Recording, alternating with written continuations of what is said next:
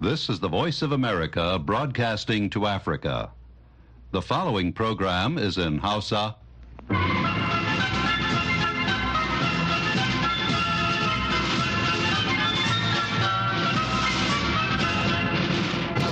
Sashen Hausa na Amurka ne ke magana daga nan birnin Washington DC.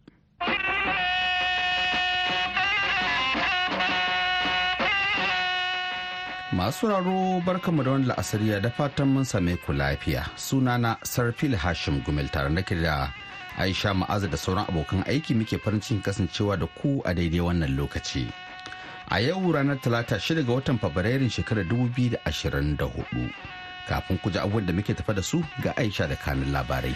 To Sarfilo Blinken yana tattaunawa da shugabannin Egypt da Qatar domin ganin an ci mai yarjejeniyar tsagaita buɗe wuta. Shugaban tarayyar turai boral zai kai ziyara kif domin tattaunawa wato tattauna batun baiwa ukraine tallafin yaƙi. Sannan hare-haren amurka a iraq na faɗaɗa baraka tsakanin amurka da iraq. To kanan labaran duniyan kenan. Al'ummar birtaniya sun fada cikin damuwa bayan da likitoci suka gano sarki charles na uku ya kamu da cutar daji. Shakka babu labarin ya kada hantar jama'a da dama. Statement from Buckingham Palace uh, came as um, a shock to everybody. The entire country. It was it. Ya ce gaskiya sanarwar ta tayar wa jama'a da dama hankali. Daga nan za mu ji halin da ake ciki game da aikin tono albarkatun man fetur da iskar gas a jihohin Bauchi da Gombe. An riga da an ba da wannan aikin kamfani ta indiya kuma sun shigo najeriya suna suna shirye-shirye.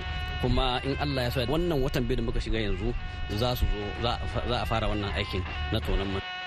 Sai kuma shirin noma tushen arziki da zai duba irin tallafin da gwamnatin najeriya ke baiwa manoman rani da muhammad hafiz baballa zai gabatar mana. To amma fa sai mun fara da shan kashi na farko na labaran duniya tukunna.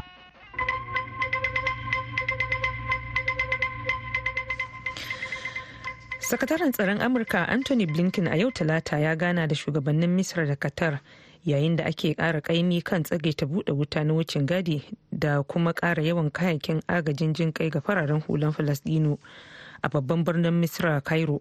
Blinken ya gana da shugaban ƙasar abdul fattah el-sisi kana zai kai ziyara doha don ganawa da shugaban ƙasar sheikh tamim bin hamad al-thani da firaministan qatar muhammad bin abdulrahman al-thani. Amurka misra da qatar duk sun ba da gudunmawa akan wannan tattaunawar yarjejeniyar wucin gadin wanda aka wanda ka iya dakatar da fadar na tsawon makonni da kuma yanta mutanen da hamas take garkuwa da su a gaza. Vendan patel mataimakin kakaki ne a ma'aikatar harkokin wajen amurka. Additional steps need to be taken to minimize civilian casualties and I have no doubt that these are the very ya ce akwai buƙatar a ƙara ɗaukan matakan da za su rage mutuwar fararen hula. Kuma na tabbatar ire-iren waɗannan batutuwa za ku ji sakataren blinken yana tattaunawa da takwarorinsa a wannan ziyarar da yake yi.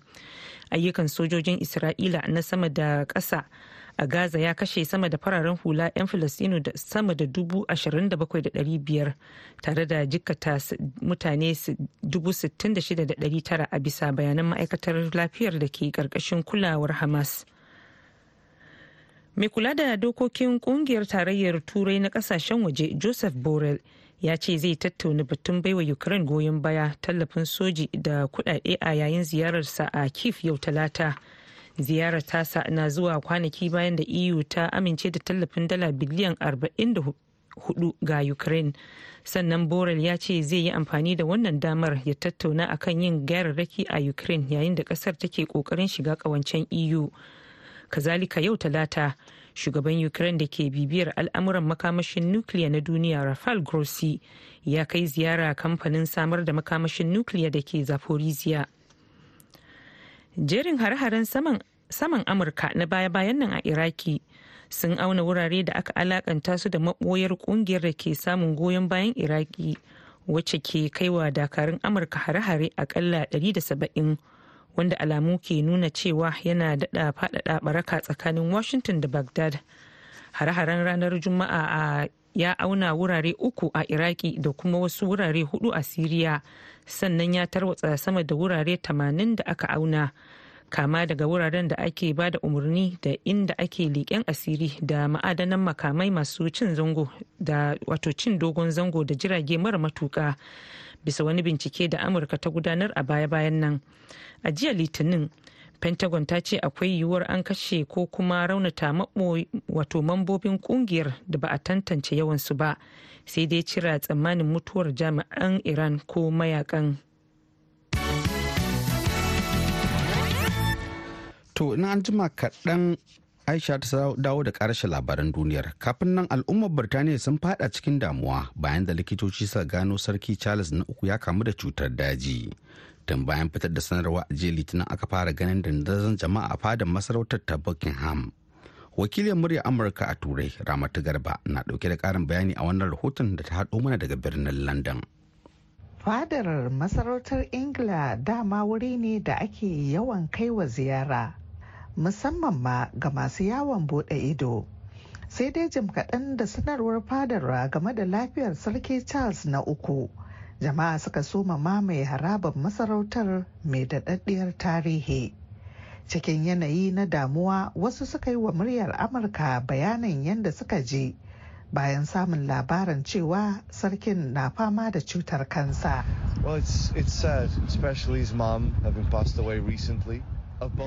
Pablo Santos kenan da ke cewa gaskiya abin bakin ciki ne ganin cewa ba a jima ba da rasuwar mahaifiyarsa. Amma duk da haka muna kyauta zaton zai samu sauƙi har ma ya dawo bakin aikinsa na gudanar da sha'anin masarautar cikin ƙoshin lafiya. Ta yi ma ya fi mahaifiyarsa jimawa a madafin iko. Muna masa fatan alheri.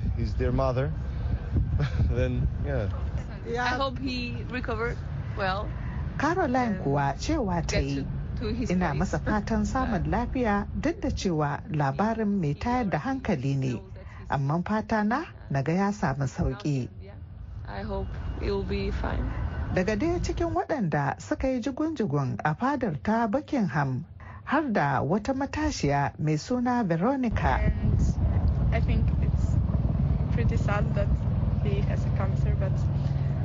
Veronica ta ce gaskiya ba mu ji daɗin wannan labarin ba duk da cewa bana da masaniya a game da nau'in cutar kansar da ke damun sarkin amma kuma abin da abin bakin ciki ne sosai. Duk da dai sanarwar ta yammacin ranar litinin din da ta gabata ba ta yi wani cikakken bayani kan nau'in cutar kansar da ke damun sarkin ba. Amma wasu a ƙasar sun yaba da matakin da masarautar ta ɗauka na sanar da al'umma halin da ake ciki sabanin yadda al'amarin yake a can baya. Innocent ame wani mai sharhi ne kan al'amuran yau da kullum a birtaniya ya ce shakka babu labarin ya kada hantar jama'a da dama. Statement from buckingham palace uh, came as um, a shock to everybody. The entire country. It wasn't ya ce gaskiya sanarwar ta tayar wa jama'a da dama hankali kuma abin damuwa ne ga al'ummar birtaniya ba ma ga masarautar kadai ba. Sai dai na san za a ɗauki matakin da ya dace wajen ganin komai na tafiya daidai kuma sarkin ya samu kulawar da ta dace. Na san 'yan ƙasa na tare da shi ɗari bisa ɗari. Amma muna fatan nan ba da jimawa ba zai dawo ya ci gaba da aikin masarautar. Tuni dai Prime Minister Birtaniya Rishi Sunak da wasu manyan shugabannin duniya suka soma aika sakonninsu na fatan ganin sarkin ya samu sauƙi nan ba da jimawa ba. Idan dai ba a manta ba, a ranar shida ga watan Mayun bara aka naɗa sarki Charles na uku a matsayin sarkin Ingila na arba'in bayan mutuwar mahaifiyarsa sarauniya Elizabeth ta biyu a watan Satumbar shekarar 2022. Ramatu Garba Baba, muryar Amurka daga birnin London na ƙasar Birtaniya.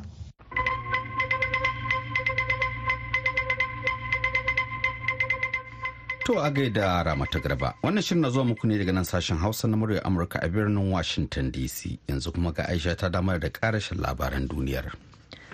Majalisar ƙasar Senegal a jiya Litinin ta kada kuri'a don jinkirta zaɓen ƙasar wato ƙasar yammacin afirka zuwa ranar 15 ga watan disamba wanda aka gudanar cikin wani yanayi cike da rudani bayan da jami'an tsaro suka daƙile wani yunkurin 'yan adawa na dakatar da yin zaɓen sannan suka fitar da mahukuntan da aka alakanta da wannan yunkuri da ƙarfin tsiya daga harabar ginin majalisar.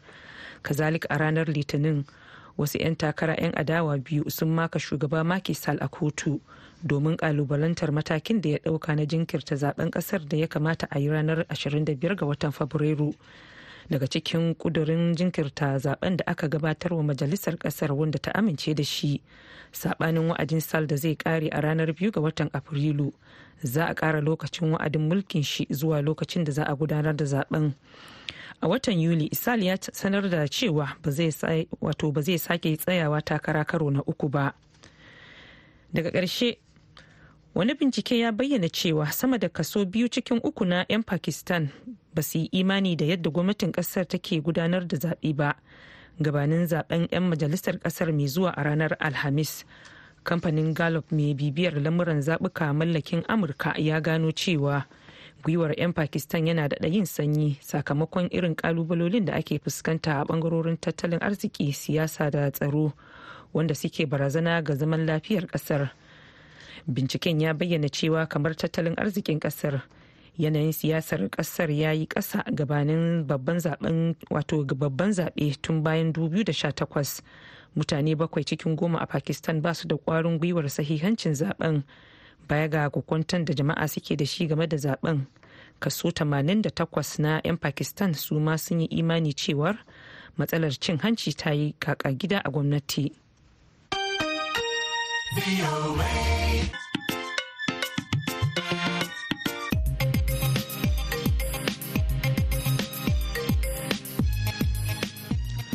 Aisha Ma'azu kenan ta karanto mai labaran duniya daga nan sashen Hausa na murya Amurka a birnin Washington DC.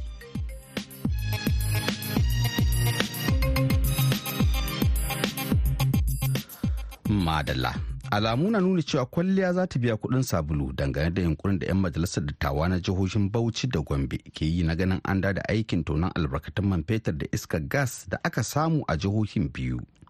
Kamar yadda bayanai suka nuna kamfanin da aka baiwa aikin tonon ya isa Najeriya domin fara wannan aiki na tokanan albarkatun man a cikin wannan wata na Fabrairu.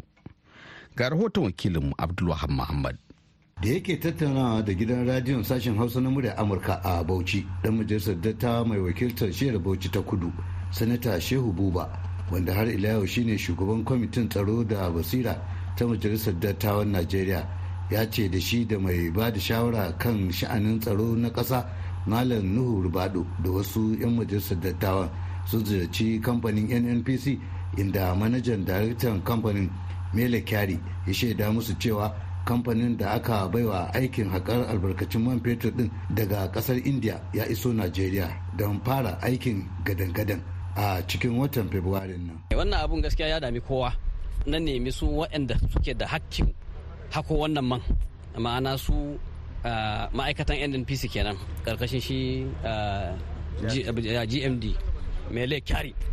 Da ni da mai girma mai baiwa shugaban kasa shawara akan harkar tsaro malam nuhu ribadu da kuma wa'yansu daga cikin 'yan majalisar mu mun kira shi mun zanna da shi. Cewa ga wannan abun harka na tonon mai a kulmani da ke tsakanin bauchi da gombe tun da mai girma shugaban kasa muhammadu buhari ya zo ya yi lancin dinsa mun ji shiru mai ake ciki kuma mun ga cewa ba a tafi wajen ba. To gaskiya ya mana bayanai gamsassu. Ita harka ta tonon mai ba ƙaramin abu ba ne an riga da an ba da wannan aikin. A ta kamfani ta indians. Kuma sun shigo najeriya suna shirye-shirye. Kuma in allah ya da ya tabbatar mana cewa daga cikin watan biyu ɗin nan lokacin da muka zanna da shi watan goma ne ya ce shirye-shiryen su cewa wannan watan biyu da muka shiga yanzu za su zo za a fara wannan aikin na tonon manto muna nan mun sa ido muga cewa abin da za su yi akan insha Allah. Na tabbatar muku cewa idan muka ga wannan watan ta wuce ba a zo aka fara aikin nan ba.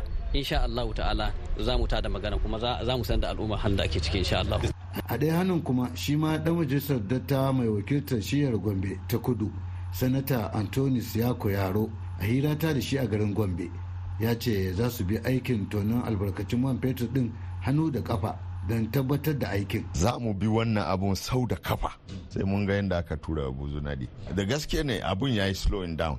Amma akwai transition na gwamnati. Ina ga shi ne kos wannan. Daga wani gwamnati zuwa wata gwamnati. Daga buhari zuwa tinubu for example. So but ba yadda za a yi ba ba. Already an investment a wannan gure an shigar da kuɗi ba kaɗan ba. So dole ne kawai mu da kuma mai din an samu. So me ya rage? Saura kawai mu bi gwamnati mu bi petroleum ministry din a ga cewa inganta wannan kulmani business ta dawa a kulmani yawa ba yadda za a yi abu na bayan ana ana neman abin da zai bunkasa economy you know. Kawai mu yi jaddada tsakaninmu da bauchi state mu hada uh, kafa da gwiwa da ƙarfe mu ga cewa mun sha mun sha nasara a wannan harka. Abdulwahab muhammad murya amurka daga bauchi a nigeria. To a gaida Abdulwahab Muhammad. Wannan shirin na zuwa muku ne daga nan sashen Hausa na murya Amurka a birnin Washington DC akan mitoci 1625 da kuma 31. A jamhuriyar Nijar kuma za a iya samu a tashar mu ta VOA Africa akan mita 200.5 zangon FM. Baya ga kaɗan lokacin da ake so, za a iya zuwa shafukan mu yanar gizo ta adireshin mu na voahausa.com. To yanzu a nan Washington DC a mu na cewa ƙarfe goma da minti goma sha shida na safe. Yanzu kuma sai shirin mu na gaba. Noma tushen arziki. Noma tushen arziki.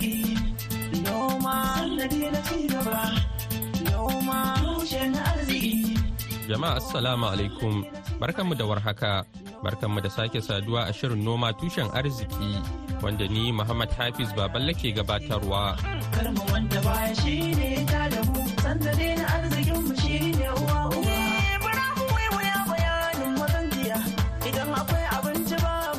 kamar yadda wataƙila wasu daga cikin masu sauraron mu suka ji a makonni biyu da suka wuce. Mun fara kawo muku tattaunawar da wakilin madina dauda ta yi da ƙaramin ministan harkokin noma da samar da abinci na najeriya sanata aliyu sabi abdullahi kan yadda suka kaddamar da wasu shirye-shirye don tallafawa manoma su noman rani. A cikin shirin na wannan makon madina ta fara da tambayar sanata aliyu kamar haka. Bayan alkama za a koma shinkafa. Ai watan duk kusan abubuwan da muke da shi na noma kowannen su ka ɗaukawa wallahi in dai za a yi shi da gaske to sai ka hito da miloniyas ba iyaka. Ni ne jinja ni ne tomato ni ne albasa ni ne rogo ne kowane ka ɗauka. Saboda haka muna son ne mu jawo hankalin mutane bisa arzikin da allah ya ba mu mu mai da hankali a kai mu sarrafa shi mu ga abin da allah zai mana. Kuma mun imani za a samu nasara insha Allah. Ni abin da na lura tun da ake kasafin kuɗi ba a taɓa kasafin da aka ware ma harkar noma yawan kuɗin da aka ware a wannan lokaci ba. Me za ka ce a game da wannan? Ai kawai sai da mu ci alhamdulillah. Kuma ya nuna kenan shugaba na gari shugaba na ƙwarai shugaba mai gaskiya shugaba mai amana ya faɗa cewa matsalan abinci shine matsalan najeriya yanzu da ya gani. Shi yasa ya ce food security. Shine priority ɗinsa number one cikin guda takwas.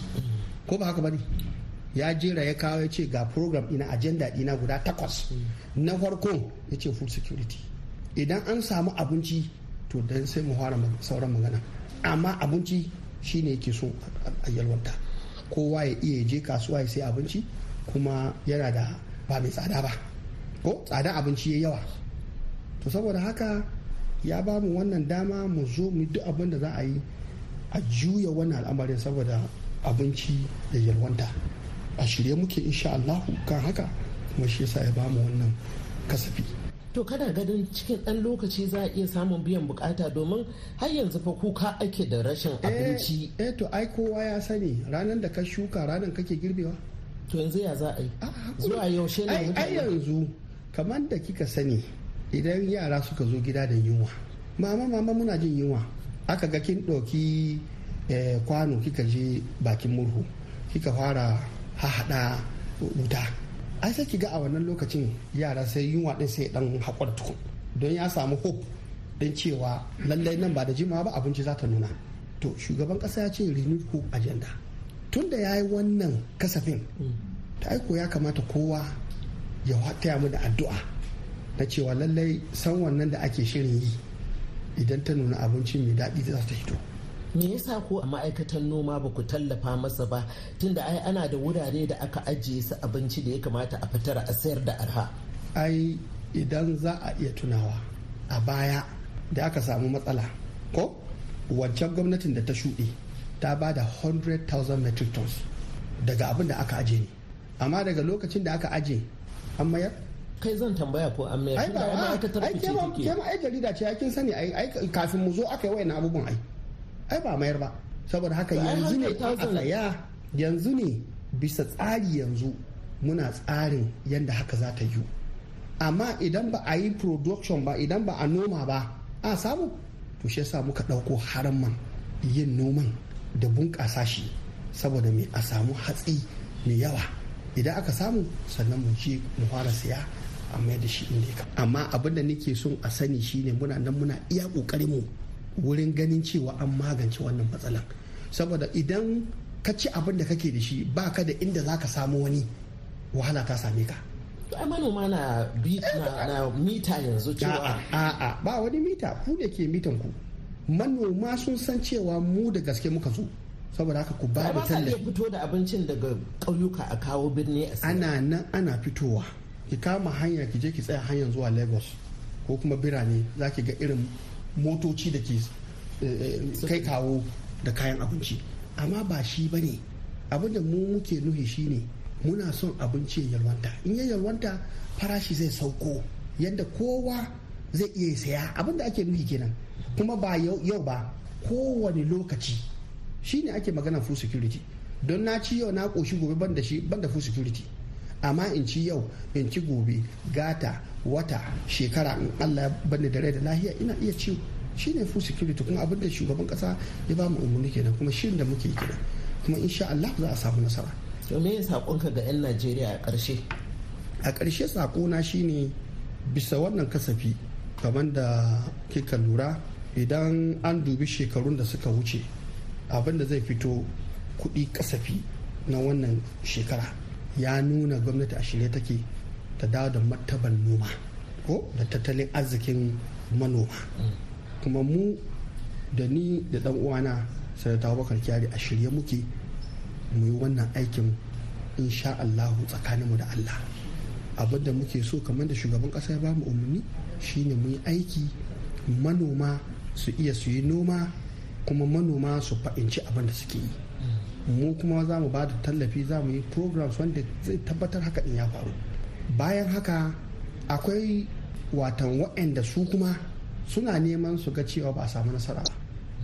Saboda su duk abin da suke yi yadda dai za a samu a danne abin al'umma shi suke so. To mu kuma a shirye muke mu tabbata haka bai faru ba. Wa'anda suka san manoma ne na gaske su hito su hana irin wa'annan mutanen saboda idan ba su hana su ba to su ne za su bata shirin da muke yi. Saboda mu muna nan ba kowa ko ina za mu gani ba ba kuma kowa muka sani ba. Amma manoma na gaske to su sani fa a dalilin su muke wa'annan ayyukan kuma muna son su hito su zo su yi wannan aikin abin da suka saba.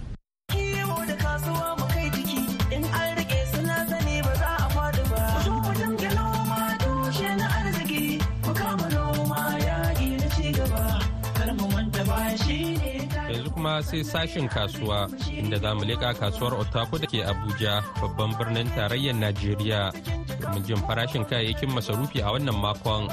Assalamu alaikum wa rahmatullahi wa barakatuh. Sunana Kabiru Usman na kasuwar Otako Market a nan Abuja kenan. to na ga kana sai da abubuwa da yawa nawa ake sai da buhun siga yanzu Buhun siga a yanzu dai ana sai da shi naira dubu saba'in da huɗu a yau kenan ana sai da mudu dubu biyu da ɗari biyar. idan aka zo ta madara na shan shayi fa Madara babban gwangwanin gaba ɗaya mai giram dubu biyu da ɗari biyar ana sai da shi dubu ashirin da tara. sai mai giram ɗari tara ana sai da shi dubu tara sai mai giram ɗari huɗu ana sai da shi dubu uku da ɗari biyar. to shayi kuma da mutum zai iya tsomawa a kofi ya sha nawa fakitinsa Ya akwai na ɗari shida yalo kenan akwai na dubu biyu da ɗari biyar akwai na dubu biyu akwai kuma sama da haka da sauransu. to na ga kana ma da shinkafa. Nawa ne babban buhun shinkafa? Babban buhun shinkafa ta waje ana sai da ita naira dubu saba'in da biyu dubu saba'in. Ta gida akwai ta dubu sittin da huɗu akwai ta dubu sittin. Yanzu dai mai kyau dai kake so ba kasa da dubu sittin amma ana iya samun dubu hamsin da tara amma dai daga haka dai zuwa dubu sittin. Amma dai mai kyau kake so wacce ba dai duwatsu da sauransu haka ba za ta kai kama kasa da haka ba. To na ga jerikoki na mai a wurinka da babba da matsakaici da ƙanana nawa nawa ake sai da su su kuma? Eh babban kwata-kwata ana sai da shi dubu arba'in da huɗu a yanzu. Mai lita nawa kenan? Mai lita ashirin da biyar. Akwai mai lita goma ana sai da shi dubu ashirin akwai mai lita biyar ana sai da shi dubu goma zuwa dubu tara da ɗari takwas haka. Akwai kuma mai lita uku ana sai da shi naira dubu bakwai sai mai lita biyu dubu biyar akwai mai lita ɗaya dubu biyu da ɗari biyu. Masu sauraro a nan za mu dasa a cikin wannan shirin namu. Idan Allah ya kai mu makon gobe za mu kawo muku wani sabon shirin. Zuwa madadin dukkan waɗanda kuka ji muryoyinsu da ƙaramin ministan harkokin noma da samar da abinci na Najeriya sanata Aliyu Sabi Abdullahi wakilin ma Abuja Madina Dauda da kuma Jule Leathers Gresham da ta taimaka ta haɗa mana sauƙi da ba da umarni. Ni Muhammad Hafiz Baballe ke sallama da ku daga nan sashen Hausa na murya Amurka a birnin Washington DC. Sai wani makon idan Allah ya kai mu. Ku zo mu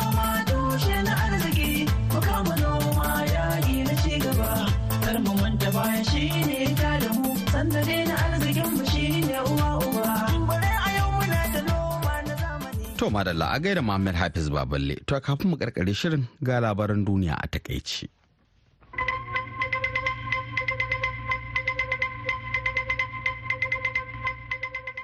To a takaicen sakataren tsaron Amurka Anthony Blinken a yau talata ya gana da shugaban Misir da Qatar yayin da ake ƙara ƙaimi kan tsagaita buɗe wuta na wucin gadi da kuma ƙara yawan kayakin agajin jinƙai ga fararen hulan Falastino.